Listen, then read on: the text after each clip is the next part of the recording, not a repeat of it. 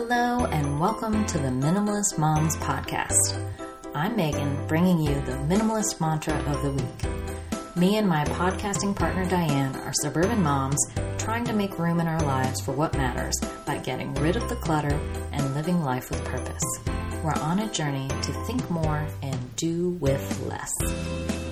Welcome to this series that delivers a quick five minute episode with a minimalist mantra you can meditate on throughout the week. Now, don't think we're getting all woo woo here. You don't literally have to meditate on this phrase, but we hope you'll think about this phrase as you go throughout your week and mindfully consider how it applies to your life and maybe how you can adjust your actions. This week's mantra is one is enough. I cannot tell you how many times I fall into the trap of assuming if one of something is good, then more than one is better. The first time I noticed this phenomena was in my clothing choices. What? That cute shirt comes in five colors? I better grab two. Sometimes buying multiples is motivated by quote unquote saving money. I have often fallen prey to the two for sale. You know, you pay $20 for one shirt, but you can get two for 35. I mean, who isn't tempted by a BOGO sale? What these sales strategies are subtly programming our brains to believe is more is better. It seems to say, you would be an idiot to pay full price for one when you could buy two for cheaper. However, my experience has always been that more isn't better, but less than. Take my example of buying a cute shirt. You find a style that you love, you pick out the color you want, but then select another because you want to take advantage of the discount. I have fallen prey to this sales strategy many times, and you know what happens? I only wear my first choice. I may wear the other one a few times, but after a while it goes unnoticed in the drawer. It's less than. Less than the original, the shirt you truly wanted. That is why our minimalist mantra of the week is one is enough. One shirt is enough. You didn't save any money. You actually lost money because you didn't wear that other shirt, and then you lost peace of mind because you felt guilty for not wearing the other shirt. One is enough doesn't only apply to clothing purchases. More broadly, it applies to anything or experience we try to recreate because the original was so fantastic.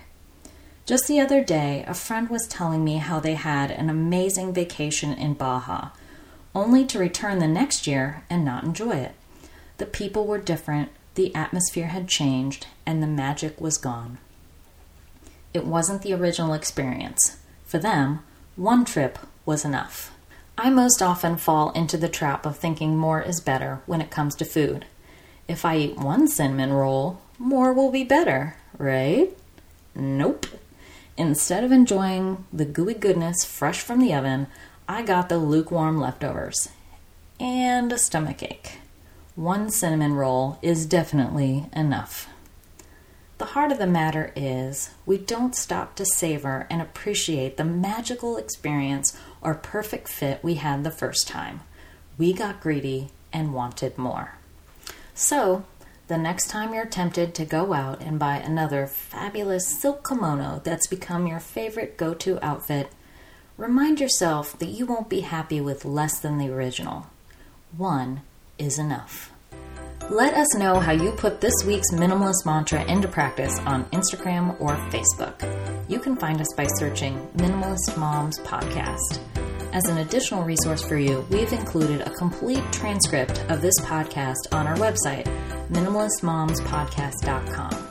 If this week's mantra was particularly impactful to you or you think a friend would benefit from it, please pass it along we have a cool text service set up so that if you text the word minimalist to 444999, we'll email you notification whenever a new podcast is posted. Again, text the word minimalist to 444999. And don't forget to leave us a rating or review on iTunes.